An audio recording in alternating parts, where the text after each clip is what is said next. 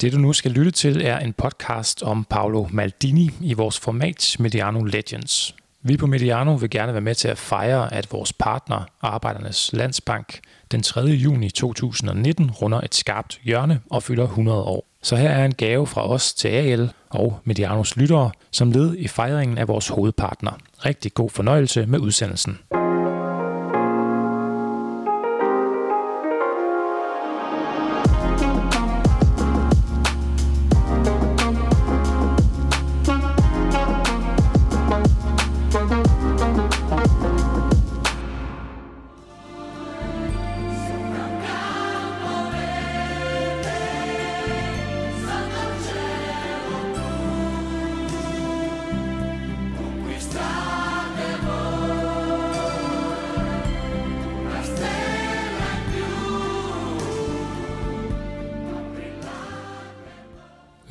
Er fodbold for mig. Jeg har spillet for klubben i hele min karriere. Jeg er født i Milan, og min far havde en stor karriere med dette hold. For mig er ordet fodbold synonymt med Milan. Ordene er Paolo Maldinis, så sangen vi lytter til er naturligvis Milans hymne Milan Milan, hvor der blandt andet bliver sunget Vi går med vores helte over en grøn mark under en blå himmel.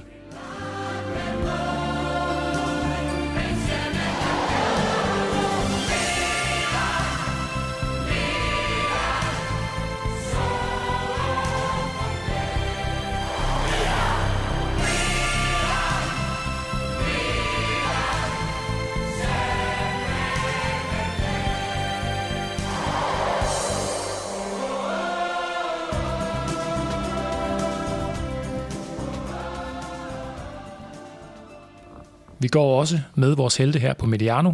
Det du lytter til er Mediano Legends, som er formatet, hvor vi tegner portrætter af nogle af fodboldens allerstørste. Nu er turen kommet til Milan-legenden, den evige kaptajn hos Rossoneri, Paolo Maldini.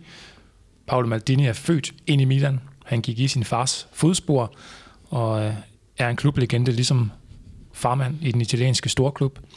Ligesom Paulos sønner nu træder i hans fodspor på de milanesiske ungdomshold – jeg får naturligvis hjælp af to Milan og Maldini fans til at tegne portrættet af Paolo Maldini. Det drejer sig om øh, Brian Bøtger, som mange kender fra Medianos Serie A-magasin. Brian er uddannet økonom, og så er han Milan-mand, og han har skrevet om italiensk fodbold på mediano.nu. Velkommen, Brian. Tak skal du have. Og Ole Madsen, som har været Milan-fan siden 1988 og startede øh, Milan Tifosi Danmark op i 2004, og så er du med egne ord også, Ole, forsvars elsker med Maldini, Nesta og Baresi som favoritter i nævnte række følge. Velkommen, Ole. Mange tak. Hvad er det, Ole, du er vild med ved de her forsvarsspillere i din hjerteklub? Først og fremmest er det ikke kun i min hjerteklub. Øh, det er forsvarsspillere generelt, men øhm, kort sagt så vil jeg sige, at det er arrogance, elegance og øh, kynisme. Det, det er de tre ord, jeg vil sætte på det.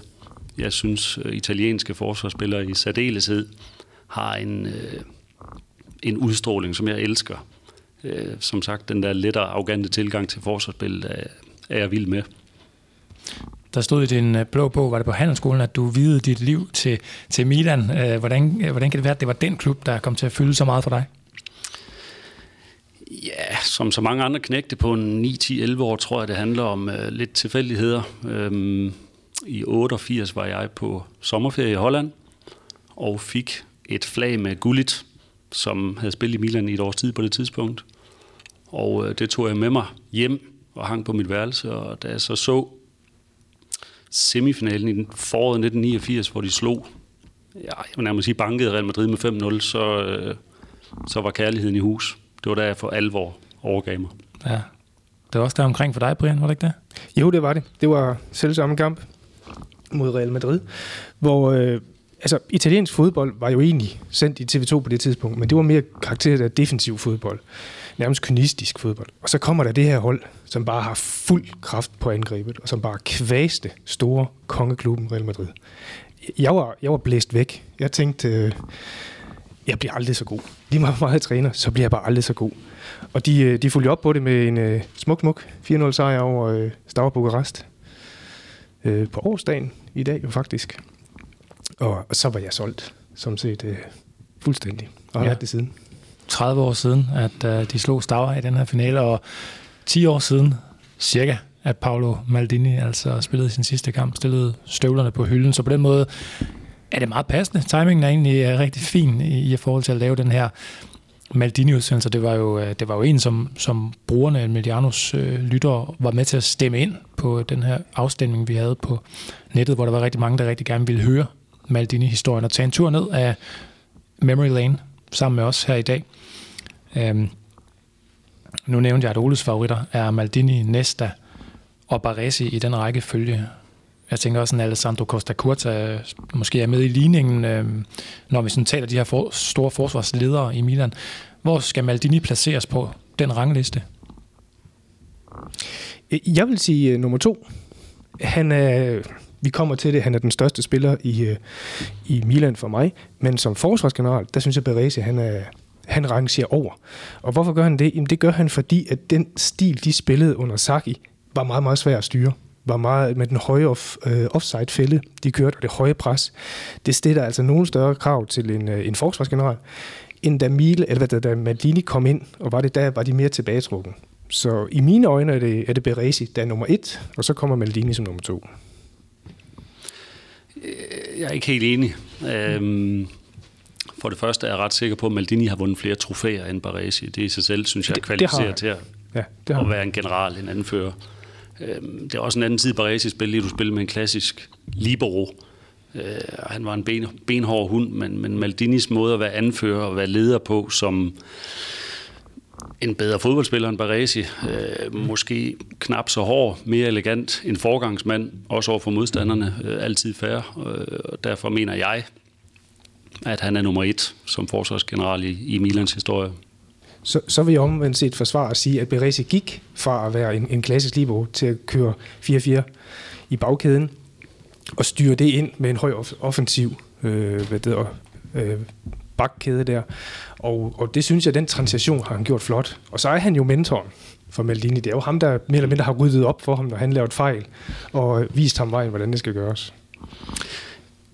Jeg har aldrig været tilhænger af at, at, at lave de her ranglister. Jeg, jeg synes, det er vigtigt at kigge på, på især den firebakkæde som helhed, altså de fantastiske fire med Maldini på venstre bakke i starten, og øh, hvad hedder det, Baresi øh, og, og Costa Curta i midten, Og så, der de. og så Tassotti på højre bakke. Ikke? Og, og det er jo helheden, øh, deres samarbejde, der, det var jo en unik enhed. Det var det, der gjorde, at, at vi var så dominerende i den periode. Ja. Så at sige den ene frem for den anden, øh, det er svært. Men Maldini er nummer et for mig i hvert fald. Vi kunne lave, uh, vi kunne lave flere Legends udsendelser med Milan-spillere, det er jeg slet ikke i tvivl om, og specielt med jer to i panelet. Uh, det er dejligt at se, og jamen Brian, du er mødt frem i Maldini-trøjen. Det er, det er smukt. Ole, du har en hel kasse fyldt med gammel, uh, ja, med memorabilia. Maldini-trøjen, du vil blive i bilen, men... Uh, men Den, den bortset- ligger i kassen her. Ja, nå, den er i kassen. Nå, nå, perfekt. Det var den, du sidder og vifter med der. Mm. Hvad er der ellers i den kasse der? Jamen, der er Maldini-film, der er Maldini-bøger, der er Maldini-fotografier, øh, postkort med autografer på. Øh, så er der diverse dokumenter fra opstarten af, Milan Tifosi Danmark tilbage i 2004, som du nævnte. Og så er der et hav af avisudklip. Øh, diverse VHS'er er der sågar. Øh, ja, det er sådan det eneste, jeg har for mig selv derhjemme efterhånden. Det er den her kære lille kasse her. Har du det med, med, med, med alle Milan-spillere, eller er det kun med Maldini? det er ikke kun Maldini i kassen, men det er primært ham. Ja. Han, han har altid været noget unikt, unikt for mig. Øh, Næsta, da han kom i 2002, uden yderligere sammenligning, han havde lidt af det samme for mig, men øh, Maldini er nummer et. Ja. Hvad var det, historien var omkring den her, da du startede AC Milans? Det var sådan den officielle danske fanklub, du skulle starte op. Men italienerne, de er ikke, de er ikke så meget til engelsk. så de her dokumenter. Nej, nej de, de er jo glade for deres eget sprog og deres eget land, men, men vi var, nu skal jeg ikke tage hele æren, men vi var en tre mand, øh, Peter og Kim. De kom fra Næstved og Tønder, og jeg kom selv fra Kolding. Så vi var spredt ud over landet, og, og platformen var lidt mere kompliceret dengang. Øh, Men vi kom i kontakt med hinanden via, jeg tror det startede helt tilbage på unisport.dk, som havde noget debatforum tilbage i starten af nullerne, men, men vi fik etableret og købt AC Milan.dk, og vi blev enige om, at det var en god idé, og, og Milan var jo nummer et på det tidspunkt i, i klubfodbold. Øhm, og vi fik fat i nogle dokumenter, hvordan husker jeg faktisk ikke. men det var en 10 sider italiensk jura, som vi fik tilsendt med posten, som det var dengang. Uh. Og det skulle vi så i krig med at få, øh, få oversat til dansk, så vi havde en chance for at læse og forstå det. Men øh, det kostede lidt porto og lidt øh, penge af egen lomme for det oversat til dansk via en korrespondent, mener jeg det var. Men det fik vi så udfyldt sendt til Italien sammen med 200 euro i kontanter, og så fik vi så godkendelsen af registrering som officiel fanklub. Ja. Hvad er dit kæreste eje i, ka- i kassen der? Øhm, det er nok den bog, øh, jeg købt med Paolo Maldini. Den er på italiensk, så jeg forstår ikke særlig meget af det, men, men jeg har et billede, hvor jeg står med bogen ude foran Milanello, hvor han sidder i bilen og skriver i den bog, og det, det er et specielt øjeblik for mig. Jeg udvekslede ikke et ord med ham, men jeg var, jeg var meget starstruck. Altså, det var så, jeg rystede. Så det betyder meget for mig. Ja, Jamen, for fuld, fuldt forståeligt. Uh, når man taler Paolo Maldini, så taler man jo også lynhurtigt Milan. Øh, uh, de, de, de hænger sammen. Uh, man skal selvfølgelig også tale det, det italienske landshold. Det, det kommer vi også til. Og man kommer også til, hurtigt til at tale om Maldini-familien, fordi jeg nævnte jo det her i indledning med, at Paolo går i sin fars fodspor. Navnet Maldini er en institution, i virkeligheden også før Paolo, øh, både i italiensk og i international topfodbold. Øh, det var jo Paulos far, øh, Cesare Maldini, der ligeledes var en stor spiller. Og han oplevede faktisk at stå som italiensk landstræner med sin søn, øh, som anfører, der er meget smukt, øh, må man sige, at nå dertil. Hvor meget specielt må det være for familien. Paolo Maldinis oldefar spillede også i AC Milan, øh, og, og, så, øh, ja, altså, og så de her sønner, hvor det er jo svært, det, det, er, det er jo meget, meget store sko at skulle træde. Øh, men det er familiens hold, må man, må man sige. Kunne Paolo Maldini nogensinde være kommet til at spille for en anden klub? Tror jeg, med, med den forhistorie. Nej, det tror jeg ikke. Altså, så skulle der være sket et stort følelsesmæssigt brud på en eller anden måde. Det, det tror jeg ikke, fordi altså, Maldini er Milan-DNA og omvendt. De, de, de to ting hænger bare sammen. Og øh, grunden til, at det også gør det, det er, fordi Milan har været store i perioder, hvor Maldini-familien har sat et afgørende aftryk på klubben. Altså Cesare tilbage i 63, hvor han var den første, der løftede Europacup-pokalen for mesterhold med, øh, med, med Milan, og Paolo fra 88 til, til ja, 2007 der omkring opad. Ikke? Der, der har de jo simpelthen styret Milan, og de har styret europæisk fodbold ved, ved deres evner der. Så nej, det kunne han ikke. De to ting hænger sammen, og øh, der er storhedsperioder, når Mjellini-familien er involveret i Milan. Mm. De to sønner hedder Christian og Daniel, og er også øh, i Milans ungdomsafdeling. Paulus selv siger øh, i et, øh, i et interview, jeg læste her for nylig om sin søn Daniel, der spiller på det her Primavera-hold i Milan, at han er den første playmaker, vi har haft i Maldini-slægten. Den eneste med playmaker-egenskaber, og sådan en, der kan lægge op til mål og han kan se øh, nogle af de samme ting i ham, i, i hans bevægelser, som, som, som han selv havde, og som folk også kunne se i hans far. Øhm, er der noget, der tyder på, at vi kommer til at kunne få en ny, øh, en, endnu en Maldini, altså der kan gå i far og bedstefars fodspor? Altså, jeg vil mene, at øh, Christian Maldini, der er altså den ældste, der er løbet kørt, mm. ser det ud til, uden jeg ser alle kampe, han spiller. Øh, Daniel Maldini, som er, er han ikke 17 år i dag? Jo.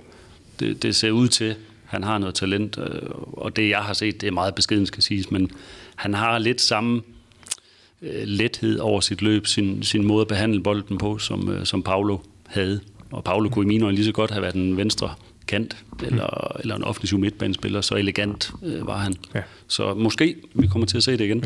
Ja, Christian, han spiller på Reggiano nu, er 22. Der er det kørt. Så Daniel måske. Mm. Det er ja. måske ham, der kan få den der... Sådan, så, Vi har vel alle sammen set videoen af Daniel, hvor han laver en glidende takling på Seedorf i, uh, i, en, i en opvarmningssession et eller andet ja. sted. Det er jo så mange år siden, ikke også? Men, uh, det er han, ligner, han ligner farmand. Ja, absolut. Paulo selv startede jo som en, en ung mand i Milan også, må man sige, efter at have spillet på de her ungdomshold, så får han debut i en alder af bare 16 år i en kamp mod Udinese. Det var i, vi er tilbage i sæsonen 1984-85. Øh, så, så vi er nogle år tilbage, og, og ja, allerede sæsonen efter, der er han jo faktisk noget, der minder om, om fast mand. Han spiller 27 CA-kampe som 17-årig, så er man altså også noget af et specielt talent, tænker jeg. Øh, og så var, han, så, var, så var han jo fast mand, så var det jo 24 næsten 25 øh, sæsoner, vi kan snakke om, ikke, hvor han bare stod der 902 kampe officielt, øh, som, øh, ja, som Milan spiller, 647 i CA, det er både klub og liga rekord. Det er jo også nogle vilde øh, rekorder at stå med. Når jeg tænker på denne generations fodboldspillere, så er Lionel Messi verdensklasse. Kaká har imponeret mig. Zidane var brilliant, men min favorit er uden tvivl Paolo Maldini. Det var Alex Fergusons ord om Maldini, der jo øvrigt spillede på det her Milan-hold i næsten lige så lang tid, som Ferguson sad på, på stolen i United. Det, og det føltes jo, tror jeg, vi alle sammen kan huske, som nærmest en uendelig periode. Uh, er Maldini større end Messi for jer? Selvom Messi har scoret måske 600 mål mere eller noget i den retning. Åh, det er en stor en at sammenligne med. Den, øh... Ja. Men det siger jeg kun, fordi jeg er Milan-mand. Ja, jeg, jeg sidder og tænker det samme som Milan-mand. Ja, selvfølgelig. Det, det er han helt sikkert. Om, om andre fans er enige med os, det, det, det er jeg ikke nødvendigvis sikker på. Øh... Men, men der er noget helt unikt ved begge to spillere, i hver deres ende af, af banen, vil jeg sige.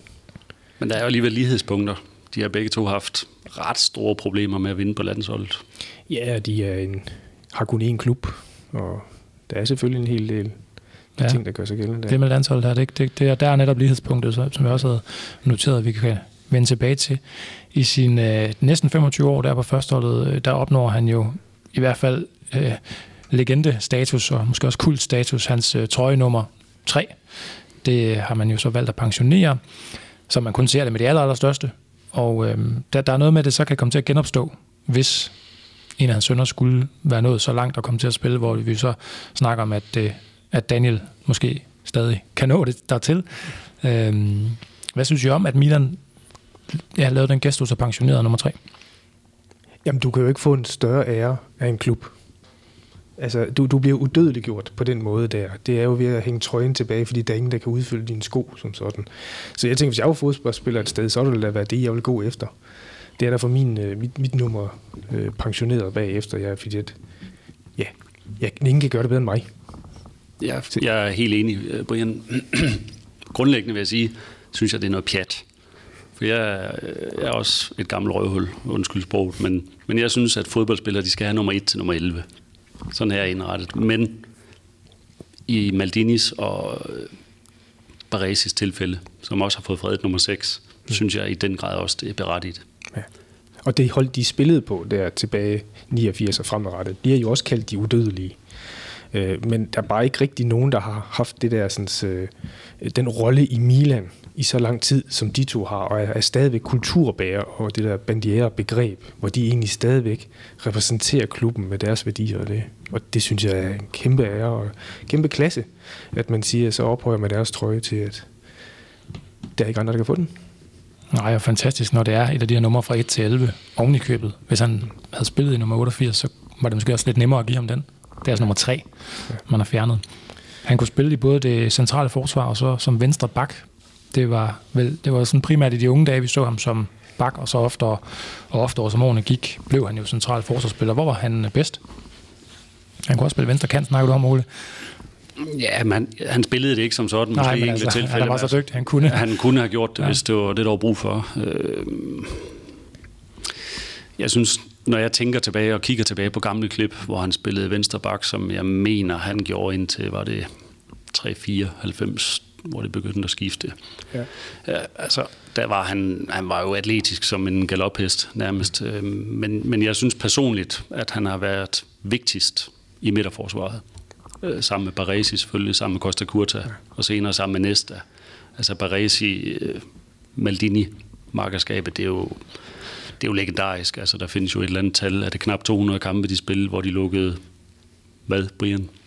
et par 20 mål eller sådan noget. Ja, det, er, det er minimalt. Ja, ja. altså det, det, er jo, det er jo uhørt. Og det fortæller også noget om den periode, de spillede sammen i, øh, hvor Milan i perioder i hvert fald var meget defensivt og taktisk orienteret. Men, men uanset hvad, så, så vil jeg sige, Maldini var bedst i midterforsvaret, mest dominerende i den periode, han spillede der. Det vil jeg give dig ret i. Også fordi, der kommer ledelsesdimensionen i det. Han var mere fri på venstre kant og tog de der jagt op af, af banen der og kunne mere gå efter målet. Hvorimod, da han var øh, tilbage i, i det centrale forsvar, så var han jo styrende på en anden måde og skulle også ligesom hvad det hedder, korrigere de andres fejl. Hele tiden have overblikket over, hvad det, hvis de rykker der og dirigerer videre. Så jeg synes også, det, der så du en anden dimension af, af Maldini, hvor han byggede på sit spil der. Mm.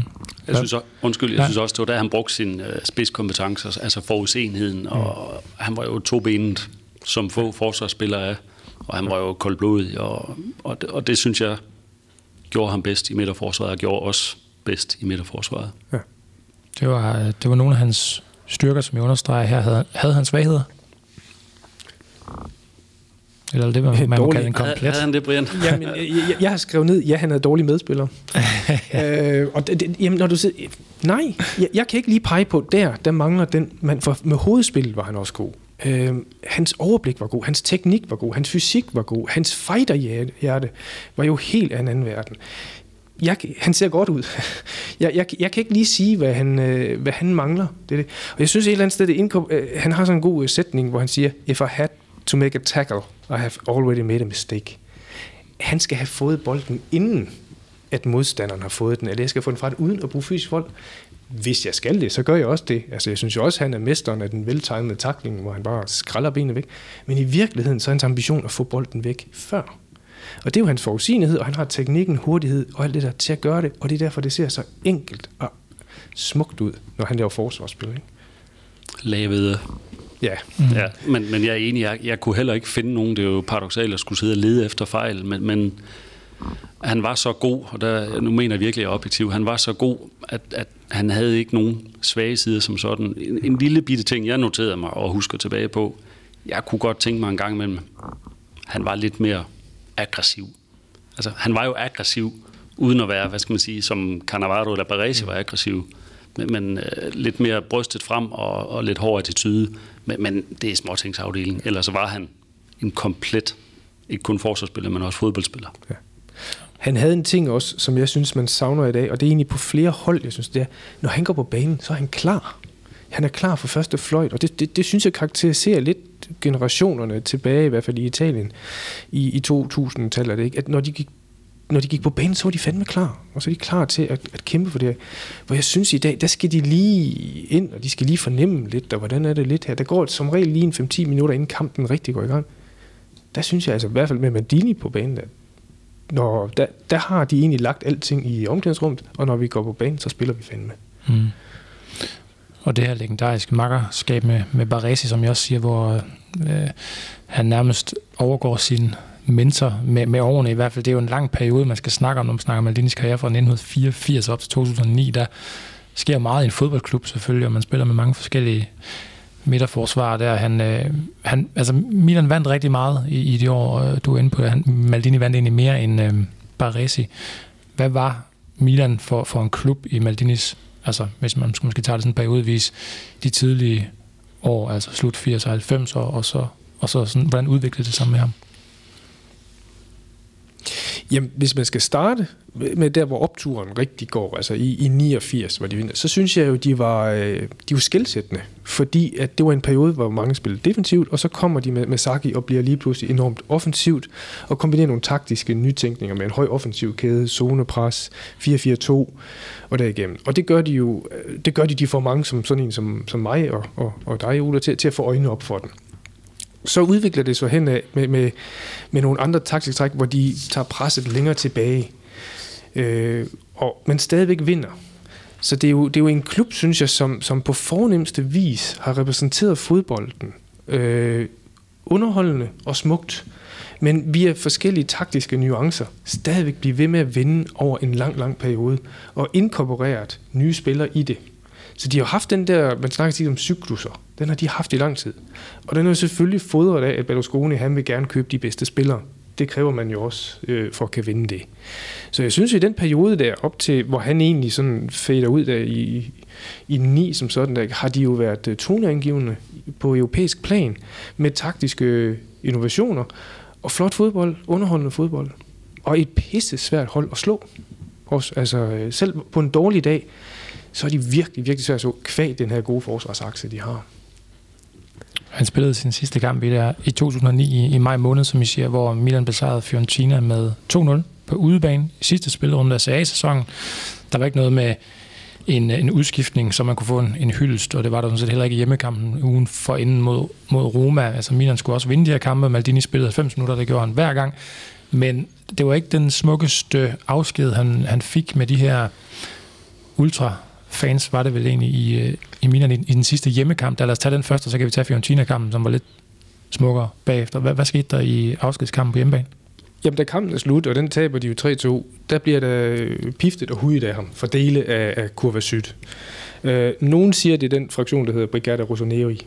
Jeg har ikke helt kunne få det bekræftet, men det kunne ligne dem at gøre det, vil jeg sige.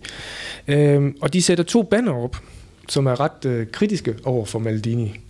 Og den ene står der, for din 25 års strålende service får du tak fra dem, som du har kaldt legesoldater og vejledere, eller vidledere. Og en anden står tak om tegn. På banen var du en udødelig mester, men du har ingen respekt for dem, der har gjort dig rig.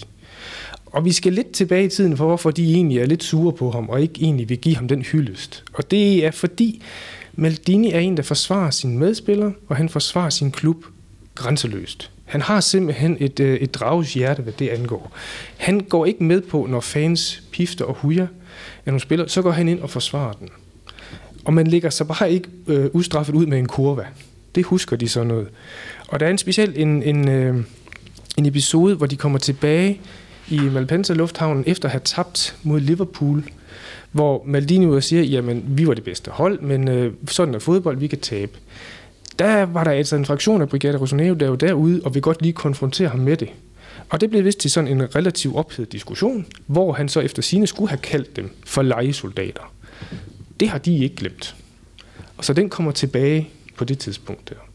Og det er jo egentlig, det er jo egentlig lidt, øh, hvad det hedder, lidt en mystisk situation at være i, fordi Roma-fansene, der går ind sammen med Milan, de har t-shirts på, hvor de hylder ham, og der er stående version i resten af, af stadion. Men der er lige den fraktion, som bare er meget, øh, meget, meget hvad det hedder, højlytte, og så kommer op med de her sådan, spanner det på det der. Og det er jo klart, det er jo, det er jo, det er jo, det er jo respektløst. Øh, man kan være uenig med det, men, men det, den mand har præsteret for den klub, det, øh, det må man dog acceptere. Mm. Det, hvordan, hvordan havde de med det, at se det? Det var, jeg synes, det var, det var en forfærdelig dag, faktisk. Det startede jo faktisk fint, som du ja. siger, Roma-spillerne kom ind med, med tak, Paolo og så videre, men, mm. men, men de der 1000, 2000, eller hvad det nu har været, der, der piftede og havde grimme banner, det var, det var en skændsel. Men det hænger ikke kun sammen med 2005-finalen, som du siger. Der er flere episoder. Ja. Der er flere episoder. Det er jo Maldini som person. Han forsvarede klub og, og farver og medspiller med, med næb og klør, men der var også noget tilbage i slutningen af 90'erne, hvor der var nogle, nogle folk, der kastede ting på banen og råbte og skreg. Det var en svær periode for klubben, men, men det ville han ikke finde sig i og han udtalte sig kritisk om det efterfølgende, ja. og det, som du siger, Brian, ganske rigtigt, det glemmer de bare ikke, øh, de der få fans, og når der sidder 80.000, og der så er 1.000, 2.000, der skal ødelægge det, det er, ja. det er skam. Det er en skam. Altså, han har jo haft det mod til at tale dem imod og korrekte dem. Som fordi, den eneste? Ja, fordi at, vi må også være ærlige og sige, at der er også idioter, der er Milan-fans, altså, og det er der også på kurven. Og nogle af, øh, måske. og, øh, og, og der er der nogle af dem, som, som ødelægger det for andre, og der er han ude og tale under til den. Og, og, og det gør man ikke ustraffet nødvendigvis, selvom man er Maldini. Mm. Så har de en lang hukommelse, og det, det, det går ikke ustille hen, det her. Hvad så med afskeden efter kampen mod Fiorentina? Kan I, kan, kan I huske den og prøve at gengive den? Der, der er jo i hvert fald nogle fantastiske scener der i, i slutminutterne. Kampen er jo ikke slut endnu, før at øh, fejringen af Maldini er, er i gang. Nej, og som du sagde før, Adam, det var faktisk en sindssygt vigtig kamp i forhold til at sikre sig en Champions League-plads, men jeg husker også, øh, altså, der var stående ovationer fra, fra publikum og, og modstanderne, der krammede ham, og der er måske gået lidt inflation i det i dag, hvis der er en eller anden mindre betydelig spiller, der spiller sin sidste kamp, så får man det ene og det andet, men, men det var rørende scener, og det var flot, ja. og det lettede lidt i forhold til, til ugen før, og det er jo egentlig tragisk, at det skal ske på udebane i stedet for på hjemmebane, men fortæller måske meget godt, hvad han var for en spiller, for medspillere og modspillere. Ja. Altså, jeg, jeg kan stadig huske billedet, der, hvor, hvor som en dommerstand står og klapper ham ind. Også, altså, det, det, er jo, det viser jo lidt om, hvor stor respekt og hvor stor en spiller han er på udebane også. Ja, og de vinder kampen 2-0. Så en flot måde at slutte af på. For Maldini også med et clean sheet og så videre, det ja. har nok også betydet noget jo. Hvordan havde I det, da Maldini han så satte, støv, satte støvlerne på hylden? Jamen, jeg havde det dejligt. Jeg havde det godt, fordi det var fandme også på tide. For, for at sige det ærligt. For han var jo over the hill. Og, og jeg sad med fornemmelsen af, at han var der jo sådan set kun fordi, han har en kæmpe kærlighed til klubben. Og der var ikke en god afløser af den, fordi Berlusconi ikke ville købe en ordentlig afløser. Altså på det tidspunkt, så var Milans øh, top jo nok ved at blegne lidt. Altså cyklusen var ved at stoppe her, fordi der ikke kom nye investeringer til det hold. Og jeg tror, at han har forlænget karrieren, fordi han godt kunne fornemme det, og så sige, at jeg føler stadigvæk, at jeg kan gøre en forskel her, og jeg prøver at gøre det. og så måske strukket den karriere et år længere, end det måske vil. Ja, det var, det var lige en sæson for mig. Ja, så jeg synes faktisk, han har fortjent det. det var, og det var faktisk, som klubmand var det dejligt, at han nu gav den videre og sige, så, så må vi finde nogle nye, så må vi gå videre på det. Øh, så, fordi at han var jo ikke den gode forsvarsspiller på det tidspunkt. Han var jo langsom. Han lå jo også og havde forstrækninger i tid og utid. Ikke? Det var nogle gange ham eller næste, der lå ned. Det var lidt sjovt, hvem der var først. Så, så det var dejligt, at han, øh, han sagde tak og kom, øh, kom videre i sit liv. Mm. Jeg var faktisk også lidt over, at det ikke blev pinligt. Mm. At det ikke sluttede pinligt. Så det er en sæson for meget, men, men det sluttede på en god måde, spillemæssigt, ja. trods alt. Ja. Og i en alder af 41 år, altså at han stopper sin karriere her med de her mere end 900 officielle kampe for Milan. Hemmeligheden er, at der findes en total anden spillestil og liv generelt i Milan. Hele klubben er anderledes. Det her er den eneste klub, der beholder spillere, selvom de er over 30 og ser på talentet i stedet for alderen, øh, siger Paolo Maldini selv om det her med, at han kunne blive ved også med at være på holdkortet, til han var 41 år gammel. Det er jo også fint nok, men altså, det, det er trods alt ikke kun 41-årige spillere, der, der render rundt i Milan. Og, altså, det er ikke en... Øh, det kan godt være ellers, øh, hvad hedder det, at, at gennemsnitsalderen var høj på det tidspunkt også, men det er jo u, øh, hvad det, det er ikke hver dag, man ser det her. Hvordan kunne det være, at Maldini bare kunne blive ved? Fordi han var jo, som vi siger, okay, en sæson for, for meget. Han var begyndt at blive langsom og gammel, eller øh, aldrende, men, men han spillede jo også, da han var 37, da han var 38, da han var 39 på højt niveau. Ja, først og fremmest så tror jeg, at han øh, var udstyret med en god fysik. Øhm, og for det andet, så øh, er det jo vel en almindelig kendt opfattelse, at forsvarsspillere de kan spille lidt længere tid, målmænd endnu længere tid. Øh, og derudover så var der jo mange spekulationer og snakke om, hvad det var, Milan gjorde på det der berømte Milan Lab. Det kan vi jo tænke en masse ting om, men grundlæggende så var opfattelsen, og det de selv melder ud, at, eller meldte ud dengang, at, at de havde rigtig gode fysiologiske redskaber og metoder til spillerne. Hvad det så indebærer, det, det ved jeg ikke. Men øh, det var jo påfaldende i hvert fald, at Costa Curta, øh, Tassotti, Baresi, Maldini, hmm. jeg ved ikke, om du har flere tilføje, men, men de spillede lang tid i forhold til gennemsnittet. Ja, Sedorf kom Sedorf. også. Jeg, jeg tror, der er to ting. Jeg tror for det første hans egen professionalisme. Altså, han gik jo ikke i byen. Han, han drak jo ikke meget. Altså, jeg tror virkelig, han, han holdt sig sund, som du også nævner. Den havde en god øh, fysik, men den tror jeg også, han var rigtig god til at, at pleje det. Og så er det det her Milan Lab. Jamen, på det tidspunkt der, så var det jo innovativt, fordi de kombinerede rigtig mange fagområder kinesiologi og fysiologi og psykologi og neurologi. Og jeg tror, en af de der historier, de tit kører med, det er jo... Øh, de kunne jo også forlænge Beckham for øvrigt.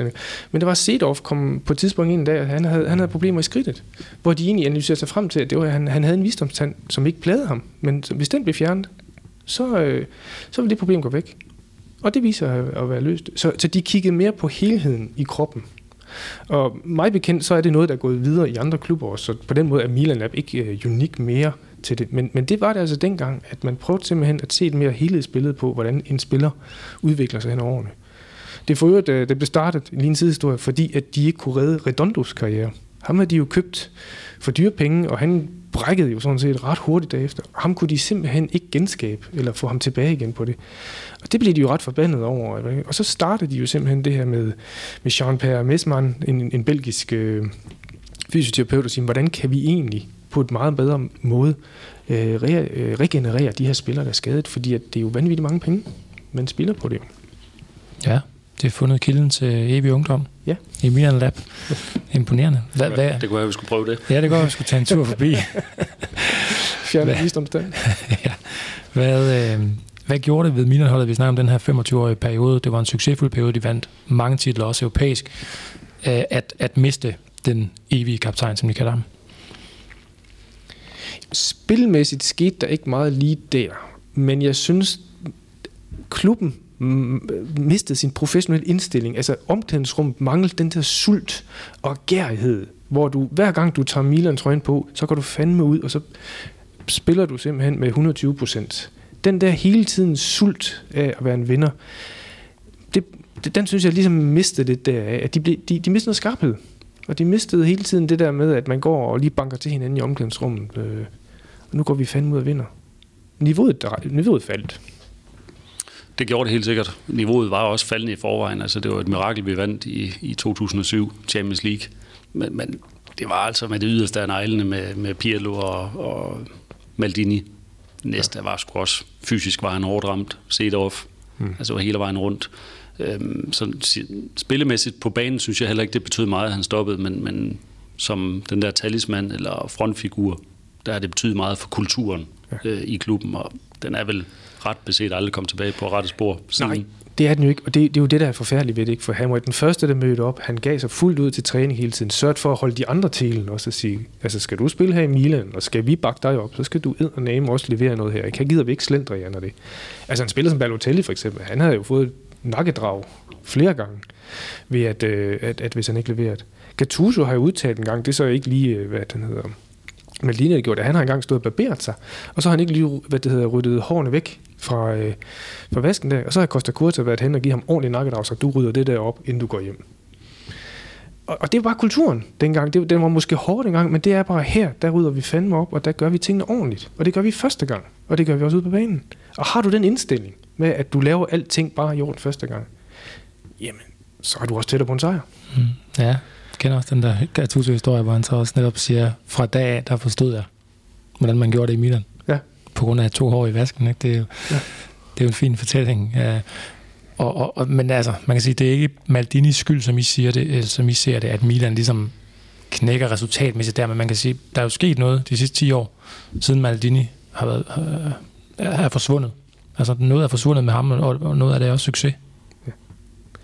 Altså, der er jo sket det, de har ikke fået de gode investeringer i nye spillere. De har ikke fået vinderne til, og dem, der kan løfte et niveau, som, som de jo havde med Shevchenko og Kaká og alt den der.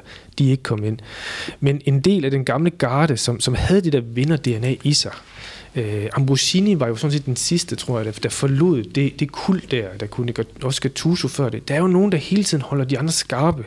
Den der, øh, jeg kan ikke huske, om det var krøftet, the necessary pain in the ass. Altså simpelthen sørge for at bide de andre, sådan man hele tiden opper sig og gør sig bedre. Det, det, den, den gik simpelthen fløjten med det kul, og Maldini var en af de første der, øh, Ambrosini den sidste, tror jeg. Og så derefter, så blev det sådan lidt middelmodighed og sådan lidt, ja, vi behøver, det, det er bare et arbejde, det her, ikke? Det er det jo ikke. Men, men det hænger jo ikke kun sammen med Maldini, det er også i den grad et pengespørgsmål. Mm. Ja. Altså, Berlusconi forsøgte jo at afhænde klubben over flere år, men, mm. men det, har, det er da helt klart en faktor. Den der kultur, Milan-kultur, der, der er forsvundet. Det... Ja, fordi du købte jo mange på en, øh, eller fik mange på en fri transfer, eller fik mange på lån, fordi man ikke har pengene til det. Og hvad har man at spille for? Jamen, øh, jeg skal jo tilbage i min klub, når jeg er færdig. Altså, hele incitamentstrukturen var også galt i det. I stedet for at sige, nu har vi købt dig til en høj transfer fire år, du er her for at vinde titler. Ja, eller udviklet dem, udviklet dem selv, ikke? Som det, ja. Ja. den næste generation Maldini, eller Maldini selv, jo mm. Paolo selv, ikke? Altså, hvor, de virkelig, hvor man jo virkelig forstår, hvad det er for en klub, man er i, når man kommer op derfra. Ikke? Altså efter karrieren der bliver Paolo Maldini jo faktisk tilbudt et øh, trænerjob for Ancelotti, da han var manager i Chelsea, hvor Maldini siger nej tak. Øh, måske fordi han venter på, eller ventede på den stilling der i Milan. Der tog noget tid, men sidste sommer, der blev han ansat i en form for direktørstilling i ja, hjerteklubben. Og han sagde øh, selv også for nylig i, i et interview, det her, den stilling, der hedder strategisk direktør for det sportslige område. Øh, han siger, at jamen, det, det er en titel, der dækker mange områder. Leonardo er mere end en sportsdirektør, og han, øh, Maldini skal så hjælpe Leonardo. Definitionen af min rolle er ikke vigtig, men det vigtigste er, at vi er i spidsen for det sportslige område. Og så siger han, at det er, det er dejligt at være der, øh, være tilbage igen på en måde, føler han, at han har fuldendt cyklusen. Hvad betyder det for jer, at Maldini er vendt tilbage? Stod, stod det ligesom også altid skrevet i kortene, at det var det, han skulle? Absolut ikke. Når jeg kigger 10 år tilbage, der har været mange tilløb.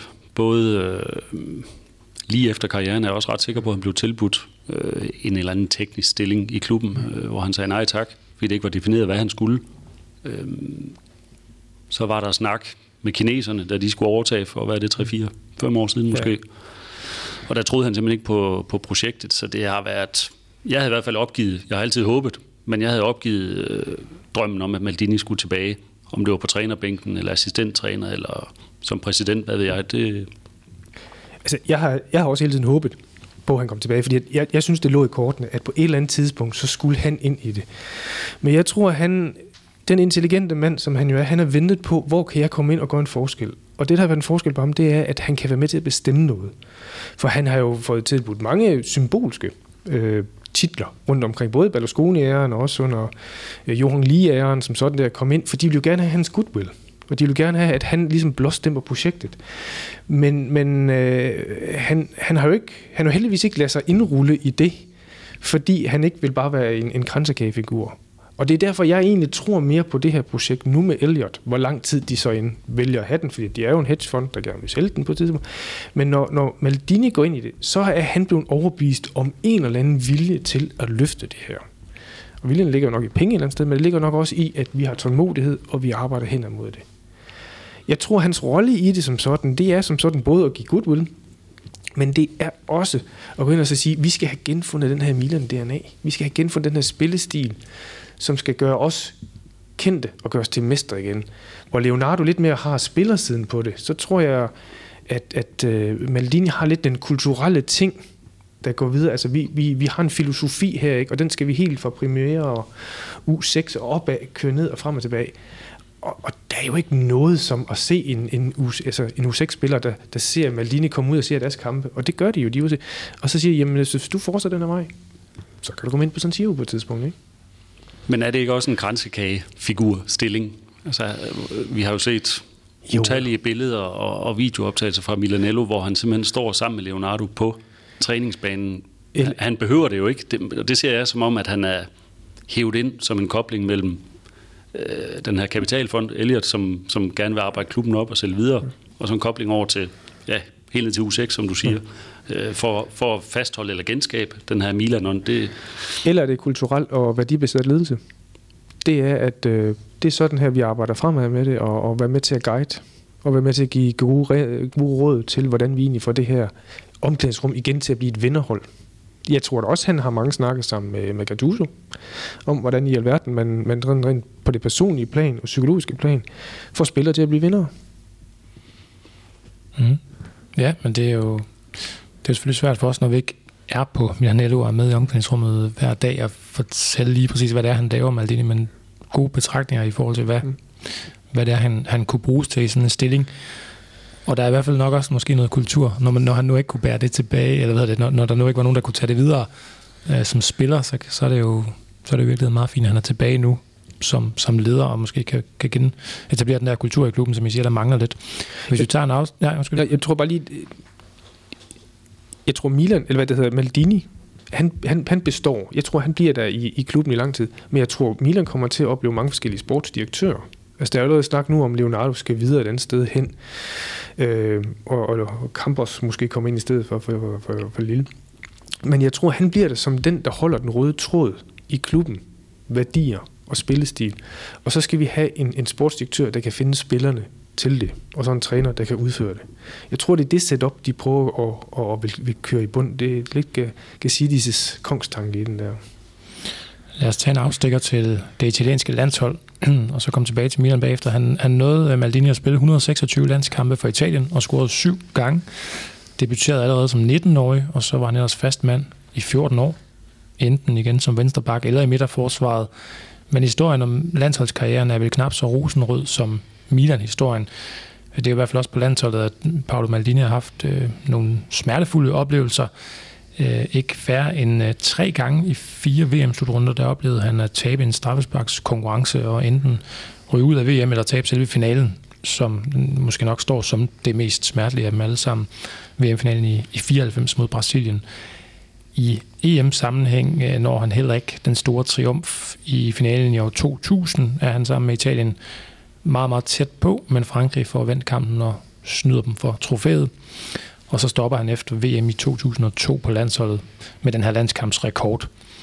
Øhm, det er jo uden yderligere sammenligning øh, i øvrigt lidt, ligesom vi taler om med Lionel Messi, det her med, at man bærer sit klubhold fra den ene triumf til den anden, men titlerne mangler på landsholdet.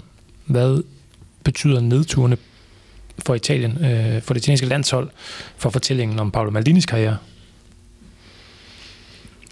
Jeg tror lidt, det er en skygge over hans karriere, men, men heller ikke mere end det. Altså i hvert fald to af de her tilfælde, EM 2000, hvor de Frankrig scorede nærmest til sidste minut, og så scoret, var det golden goal dengang. Mm.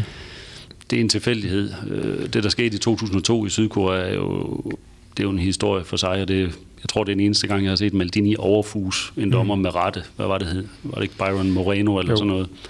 Det var jo en, øh, det var en skændsel. Men, men for mig personligt, det, det er kun det, jeg kan forholde mig til, der betyder det ikke det store. Han, han var også en stor landsholdsspiller, og det er tilfældigheder, at han ikke vandt noget. Altså, ja, han mangler bare titlerne. Det, det er jo det, han mangler, fordi hvis man kigger ind på det, så at i VM 90 og i 94, så blev han jo udvalgt til turneringshold. Og det var han også på de tre gange, han var med til, til EM. Så har han jo været øh, på, på øh, turneringshold der. Så individuelt har han jo holdt hans niveau fuldstændig.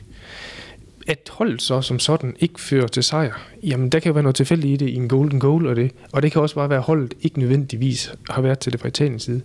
Men, men jeg synes ikke, det giver en negativ fortælling om, om Maldini det der, for han har holdt sit niveau. Og han blev jo også nummer, var det nummer tre i Ballon d'Or i 94 efter VM-slutrunden. Ja. Så som du siger, individuelt har han jo klaret det rigtig godt, at det, det er mere tilfældighed, at Italien ikke vandt noget. Ja. Var Maldini en lige så vigtig figur på det italienske landshold, som han var i Milan? Altså, hans position har jo skiftet, fordi at i starten var han jo egentlig bare substitut for Beresi og Costa Curta og og så får han jo mere og mere, mere indflydelse på holdet. Men, men nej, jeg, jeg synes ikke på samme måde, fordi at, at de andre italienske klubber har jo også leveret gode forsvarsspillere. Så Juventus og Inter har jo også leveret ind. Øhm, og, og, og så har du måske haft en Totti, som også har været dominerende i, i den periode der. Så, så nej, jeg synes ikke, han, han har selvfølgelig været en af de bærende spillere, men, men han har ikke været den der søjle, som i Milan. Han fyldte 51 år den her sommer, Paolo, og øh, ja, det er jo altså lige omkring 10 års jubilæet nu her, for øh, at han takket af som spiller. Og øhm, han fik debut i den italienske liga tilbage i, øh, i 85. Syv italienske mesterskaber, og så fem Champions League-trofæer. Jeg tror ikke engang, vi har nået at få, få ridset op. Det var det udbytte, de her 25 år, de gav. Det er må væk en smule. Er han øh, den mest succesfulde spiller i Milans historie? Altså i forhold til titler kampe, så er han jo det er jo, det er jo statistisk, det kan man jo ikke sige, sige fra. Men jeg mener det, ja. Altså den eneste, der kommer tæt på, det er måske ham, uh, The Golden Boy, uh, Johnny Rivera fra 60'erne. Men jeg synes på ingen måde, han har den der flair og finesse og, og den samme lang tid i klubben, og den kulturelle bærer af klubben, som, som Maldini er. Så øh, jeg vil helt sikkert, jeg vil helt sikkert mene, at, at Maldini er den mest succesfulde. Øh, Riviera har selv udtalt, at, at han om Maldini han bringer kontinuitet, og han repræsenterer broen mellem det antikke og det moderne, og bringer Milan videre. Altså, mm. så er det vel sagt. Ja. Ikke? det må man sige, og det var alle de titler, som man så ikke fik øh, vundet i nationaldragten. De, de, ja. de blev jo vundet i, i Milan, og det tænker jeg også gælder for mange spillere, at det er klubkarrieren, i hvert fald i moderne fodbold, der fylder og, og tegner de her spillere, og så kommer landsholdet på som grænsekage.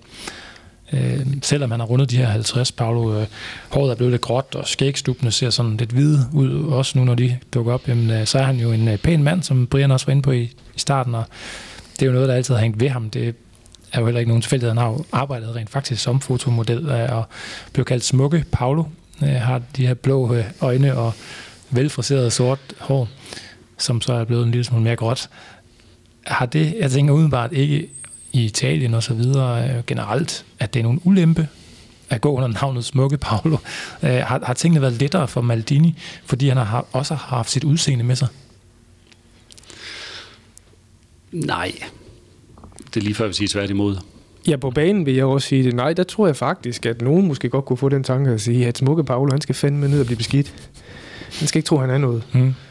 Men uden for banen, der har der selvfølgelig givet noget. Øh, der, der er to ting, jeg har hæftet mig ved. Den ene, det er, jeg synes, øh, han, han var jo Nikes reklamesøjle igennem 90'erne. Der, ikke?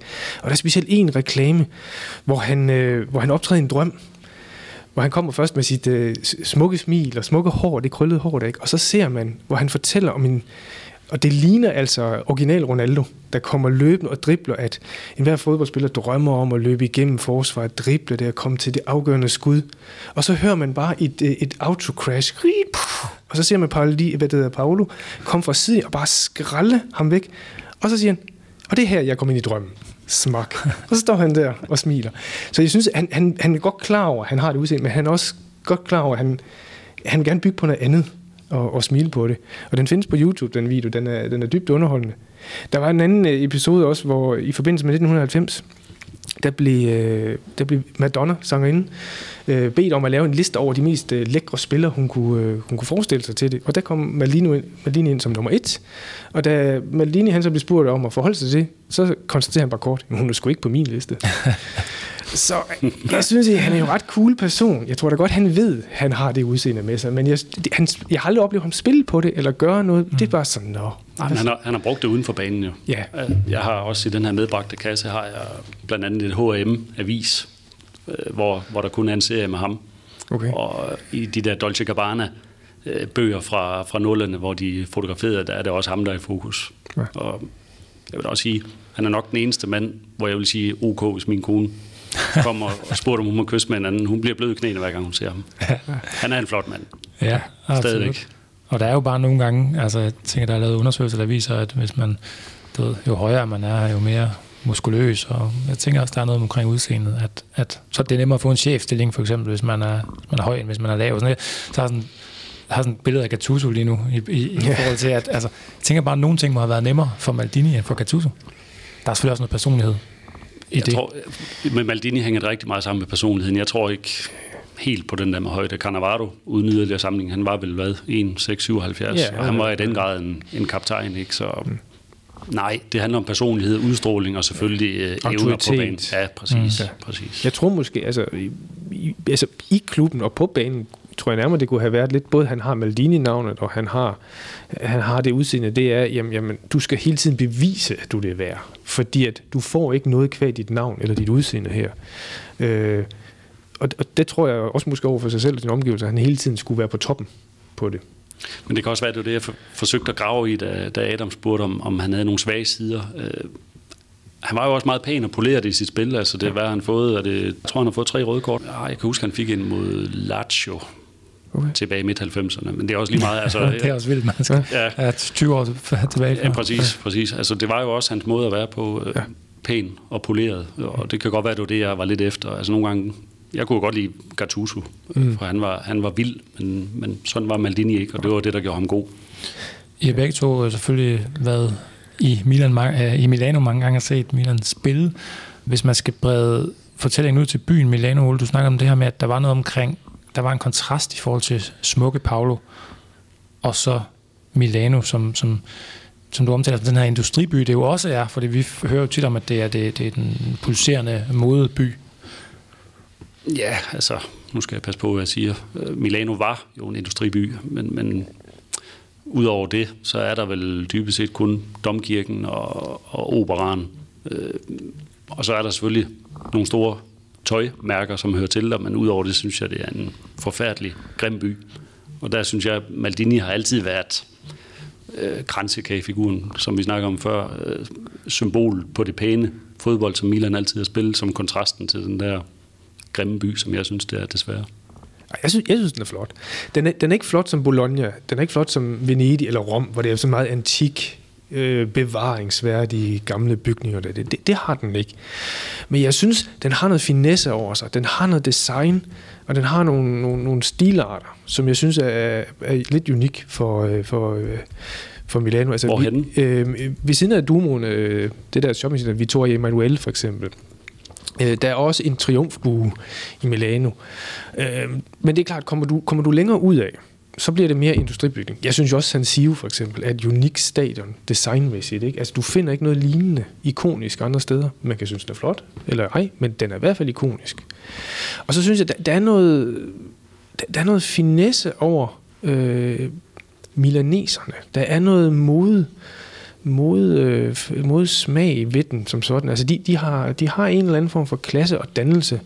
Jeg synes, der afspejler sig lidt i så Maldini-tingen der, ikke? At, at øh, man går sgu ikke tilbage i sutter i Milano, for eksempel. Eller Det er, sådan det er vel italiensk generelt, generelt er det ikke det? Jo, men jeg synes, når, jeg, når du er ude ved stranden, du sætter på, så, så er der mere laid-back-stil, og hvis du er mere sydpå, så er du lidt mere ja, laid-back på en eller anden måde. Ikke? Det, det er, man, man er shined op i Milano. Altså nu tænker jeg selvfølgelig i midtbyen som sådan, ikke? Mm. Ude i, i forstederne, der er de jo nok lige så træskende rundt som vi andre er, ikke? Men, men hvis du ser, så, så synes jeg, den er egentlig meget smag godt. Det, det, det er en chic by, og det er en, øh, en, en dannet by. på den måde. Hvad med området uh, San Siro ligger i, hvis, hvis man skulle få lyst til at tage ned og se? Jamen, jamen altså, det er jo distriktet, området hedder jo San Siro, der er øh, mm. Det oprindelige navn, øh, men, men der er ikke meget at komme efter. Det ligger jo lige ved siden af en travbane, som ham, der ja. skabte San Siro tilbage i 20'erne, han havde en drøm om, at det skulle være sammen. Hestesport er forholdsvis stort dernede, men, men ellers er der ikke noget at komme Altså, efter. det, det er et boligområde, men, men vil man bevæge sig på, jeg tror det er to kilometer, så ligger Casa Milan ikke så langt derfra, altså Milans hovedsæde der. Øh, men nej, ellers, øh, man kan sagtens færdig i området, der er ikke noget problem i det, men det, det er det er huse, bygninger, garager. Ikke meget andet. Men, men følelsen alligevel, når du stiger af metrostationen, er det ikke Lotto, den hedder, og du går... Der er kommet en ny en, der ja, der hedder. kommer en ny. Ja, der ja, hedder jeg, har, jeg har ikke været dernede i nogle år, men når du ja. går op langs, og du ser, øh, hvad skal man sige, det første hjørne af San Siro, ja. det, det, er jo, altså, det er jo en fodboldkatedral. Ja. Der, der, er, der er en walk der, og det synes jeg, det skal, det skal alle, der, der designer stadion, simpelthen øh, få med ind i det, at du bliver nødt til at gå langs en allé, altså i Aarhus er det Mindernes Allé, og i Aalborg er det Kastetvej, og det, hvor, du, hvor, du, hvor hårene rejser sig øh, på armen og alt det, fordi nu er du ja, gang med forventningen. Noget, netop, nu er du gang med noget, der er større end dig Der er flag, der er sange og det hele, der kører der, ikke? Og, og det er det jo der, når du, når du kommer ud, og så ser du katedralen der, ikke? Og den er oplyst, og du kan høre den inden, ikke? Og der er jo et gedemarked ude foran. Der er jo grise, der bliver grillet og alt muligt andet. Du kan købe alt muligt udstyr der, ikke? Og folk er venlige, folk er rare, og, og jeg synes, øh, fans blander sig. Altså, jeg har da set lige så mange, øh, mange gange Juventus-fans, eller Roma-fans, eller... Det er trygt og sikkert at færdes, det er ingen tvivl om. Øh, øh, hvad det hedder... Nu kan jeg ikke lige huske, hvad de hedder. Ikke, ikke gendarmerne, men... Øh, Carabinieri. Carabinieri, ja. de, de står med op, små i ærmer og super, og selvfølgelig perfekt hår det hele, og siger grazie det hele. Ikke? Det er roligt, det er trygt, det er det. Så kommer du ind på, på stadion også, og der er kul på det. Ikke? Men udenpå det, ikke? det er jo bare hyggeligt. Men, men det er jo i bund og grund et, et gammelt lortestadion, men det er ja. i ordets positive forstand, fordi fodbold er så poleret og lidt halvkedeligt i dag, synes jeg mange steder, men, men der synes jeg, at den der forventning, som du beskriver, når du går op mod San Siro, altså det er sådan en rigtig fodbold, fordi du kommer tættere og tættere på, og, ja. og når du snakker med folk, der ikke er Milan-fans, så har de samme oplevelse af San Siro som et rigtigt fodboldstadion. Det er stort, det er stejlt, og øh, du sidder tæt på banen. Ja. Og, og, lo- og lokummerne er forfærdelige. Fuldstændig. Og du kan, ikke, du kan ikke købe noget, der er ved at spise den, eller lunken øl også, det ikke. Men, men oplevelsen af hvert, og så se de der, den, den er jo som skabt til tifor, netop med de der stejle terrasser der på hver side, ikke. Og det er jo, det er jo smukt at se den koreografi, der kommer op, og det er jo, det er jo begge kurverne. Altså, det er jo 10.000 mennesker, der lige øh, udruller noget på begge sider der. Det smukkeste er jo, når Inter og, og Milan mødes på den måde der. Det, det, er, det er virkelig, virkelig et show. Altså, jeg har, jeg har været mange gange nede, hvor, hvor man også så har siddet nogle gange med andre danskere, og det er jo så egentlig med nogen, der har været Arsenal-fans og andre. De har fået noget en på opleveren her, ikke? fordi det her det er en ny dimension af fodbold. Det er jo ikke bare at komme ind og synge, det her det er jo Hold da kæft. Jeg tror faktisk, du skal til Sydamerika for at finde noget lignende. Ja, Tyrkiet måske. Ja, Tyrkiet, ja, Sydfrankrig ja. kan måske også lidt der. Men, men, men, men San Siro er noget specielt, og ja. specielt i Derby. Altså, det er fænomenalt. Ja. Det, det, alle, alle bør unde sig en tur til det. Ja, det er det, lige så hårdt, de rejser, når vi sidder ja, og snakker om det, det her, men, men det er fedt. Ja, og, det er også, altså, og folk applauderer, når de der tifoer kommer ned som sådan. Det er jo sådan set både, om det er Inders, der gør det, eller det er øh, eller, eller Minas, der gør. Man ved, hvor meget der er lagt i det her arbejde at køre på det. Ikke? Og det bliver anerkendt som sådan. Og du, du nævner også, at man sidder tæt. Altså, jeg har haft en, en lille Juventus-pige siddende på inde i mit lår øh, ved en kamp, hvor, hvor altså, nogle gange så tager man sine børn med derinde, selvom har de en billet? Ja, det ved vi ikke helt vel. øh, men, men de kom ind der en familie, og så, pigen kunne ikke rigtig sidde, og så kiggede faren sådan lidt på mig, så jeg kiggede, hvad fanden?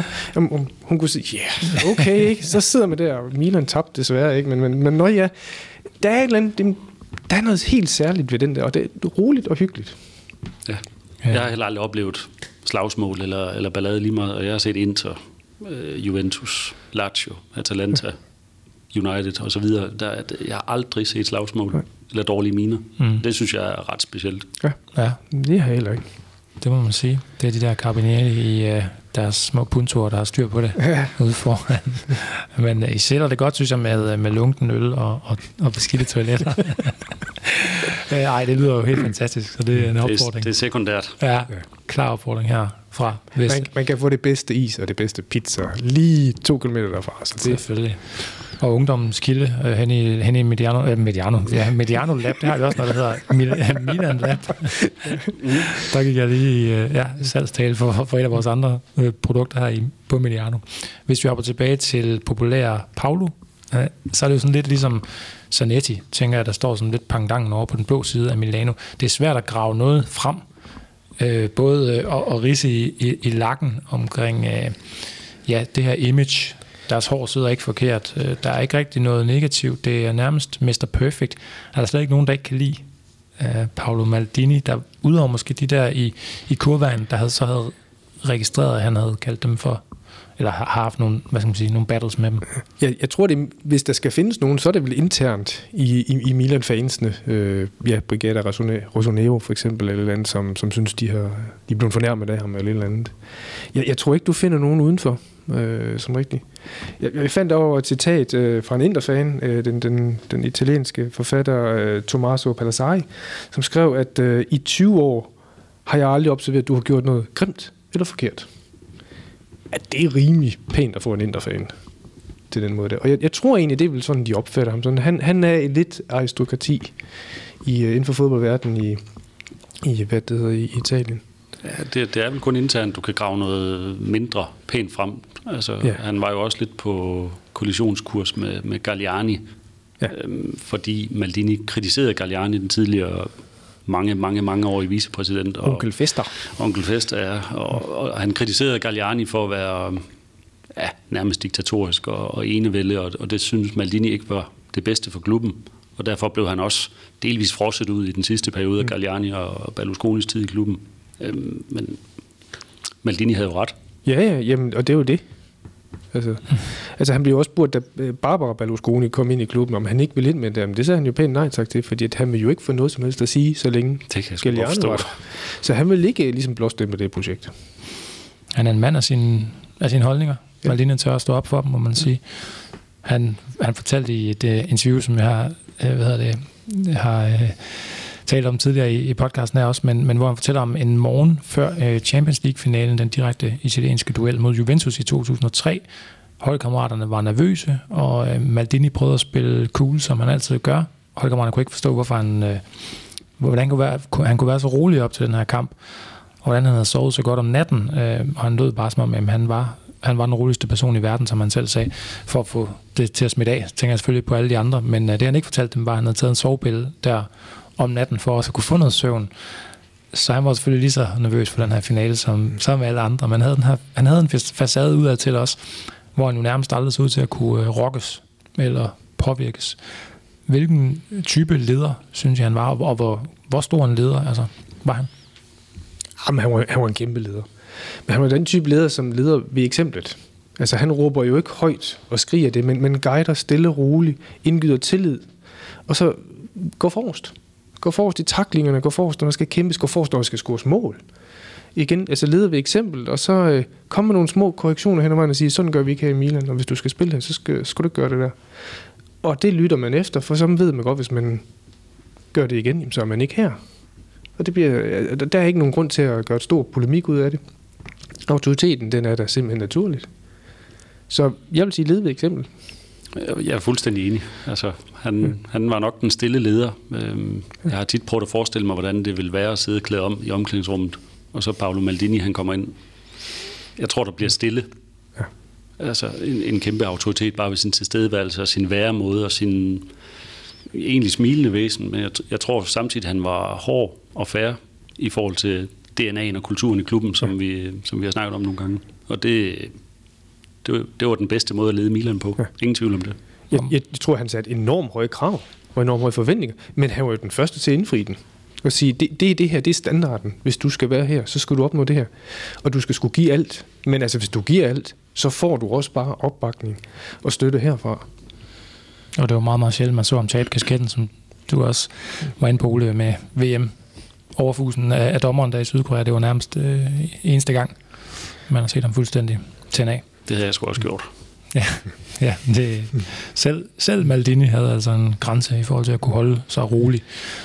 Der, og, og jeg synes egentlig, undskyld, jeg ja. Adam, men jeg synes egentlig, mm, i forhold til den kaptajn, vi har i dag, som er en dygtig, dygtig fodboldspiller, Romagnoli, øh, der synes jeg egentlig, Saki, vores gode gamle træner fra slut 80'erne, har udtalt, at øh, han har store kvaliteter, Romagnoli, men øh, han er nødt til at arbejde hårdt, og så skal han øh, bruge mindre tid på sit udseende, og så skal han øh, lade være med at spille kortærmer og handsker.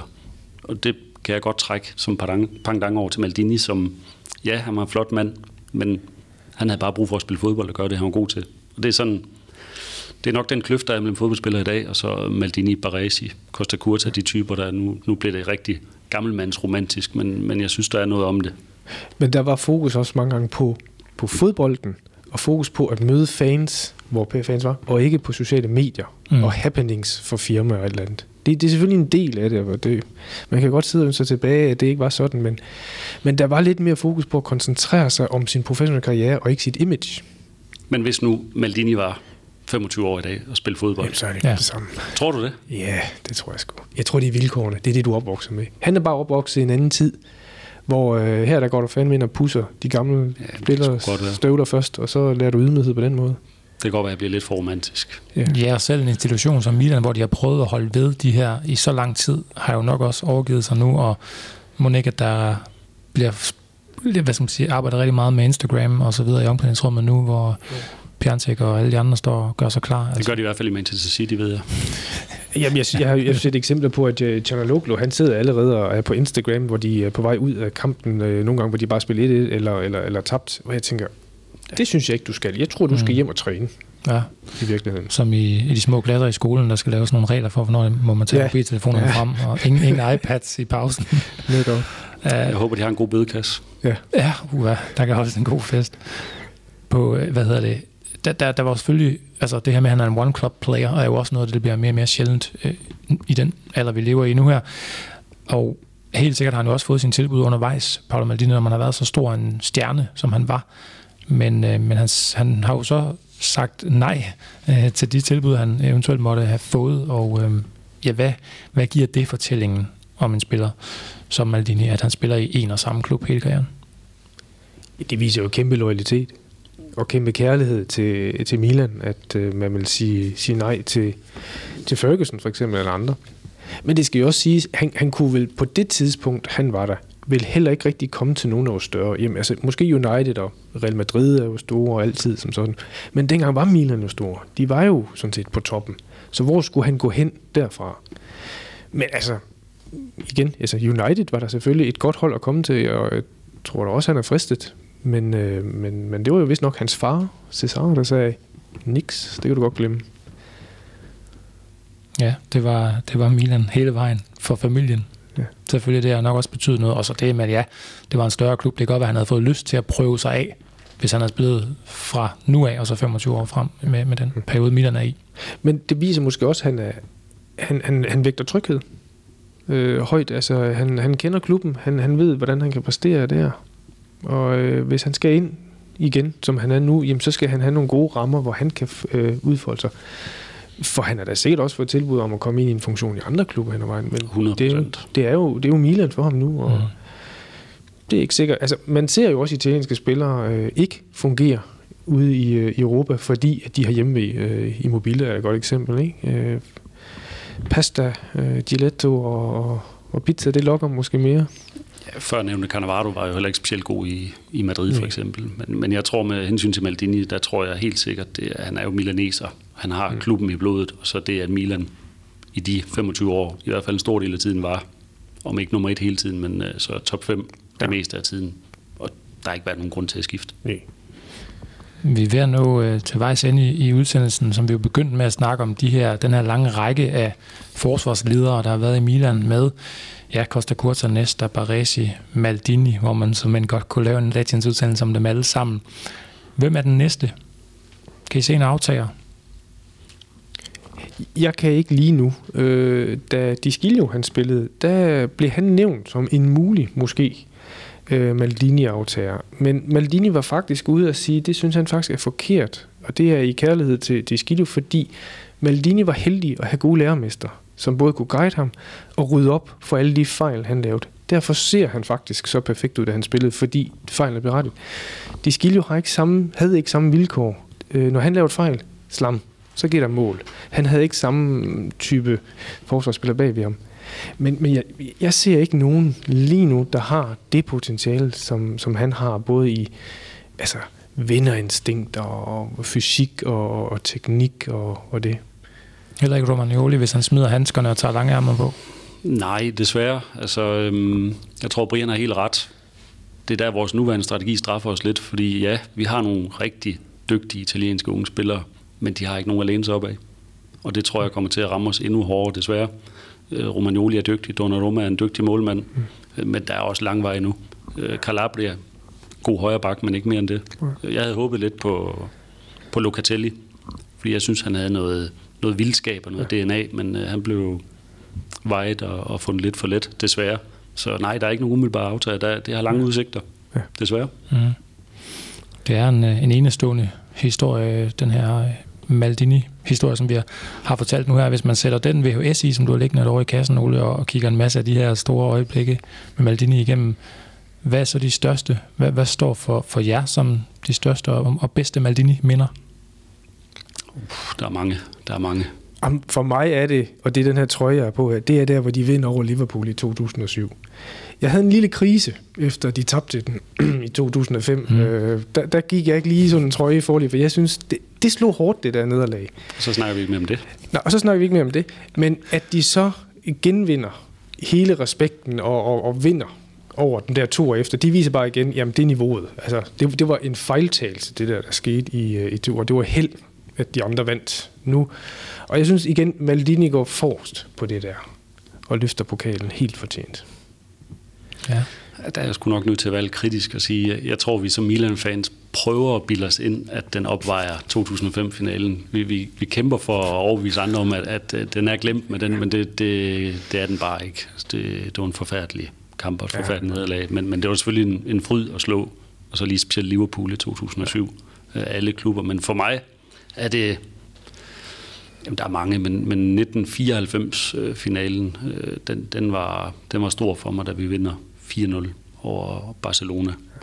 Det øh, ikke så meget Maldini-specifikt, men, men, men det var bare det, det var prikken over i. Det var mod alle odds mod Dream Team for Barcelona, hvor vi vel egentlig også mangler hele vores midterforsvar, ikke? Jo, det må øhm, jeg mener, Baresi og Costa Curta havde karantæne, og så rykker Maldini bare ind i midterforsvaret og lukker ned for Stoichkov og kompagni. Det, det synes jeg vidner om hele den her forsvarsmentalitet, der altid er hersket i Milan. Ja. Og så må jeg også sige 2003, i den nok kedeligste finale i, i verdenshistorien, hvor vi vinder over Juventus. Ah, der er jo lige Manchester United mod Chelsea der også. Ja, den er også men, der. Men, men det, det, de er samme Men det er også, det er også engelsk fodbold, ja. så det giver sig selv. Men, øh, men, men den finale i 0-3 også, der var en, en en streg tilbage til hans far i Manchester, løftede pokalen mange år tidligere, ja. og så lige at det var over Juventus, og så står Maldini i finaletrøjen, ja. den hvide trøje, og, og løfter pokalen. Det var også smukt, mm. det synes jeg. Og, og hvad med det her møde, du havde med ham, som, som dog var kort, var et, et, et flygtigt minde, Ole, som du siger. Hvordan var det tilfældigt, at, at det skete, at han, han kørte forbi der, hvor I var?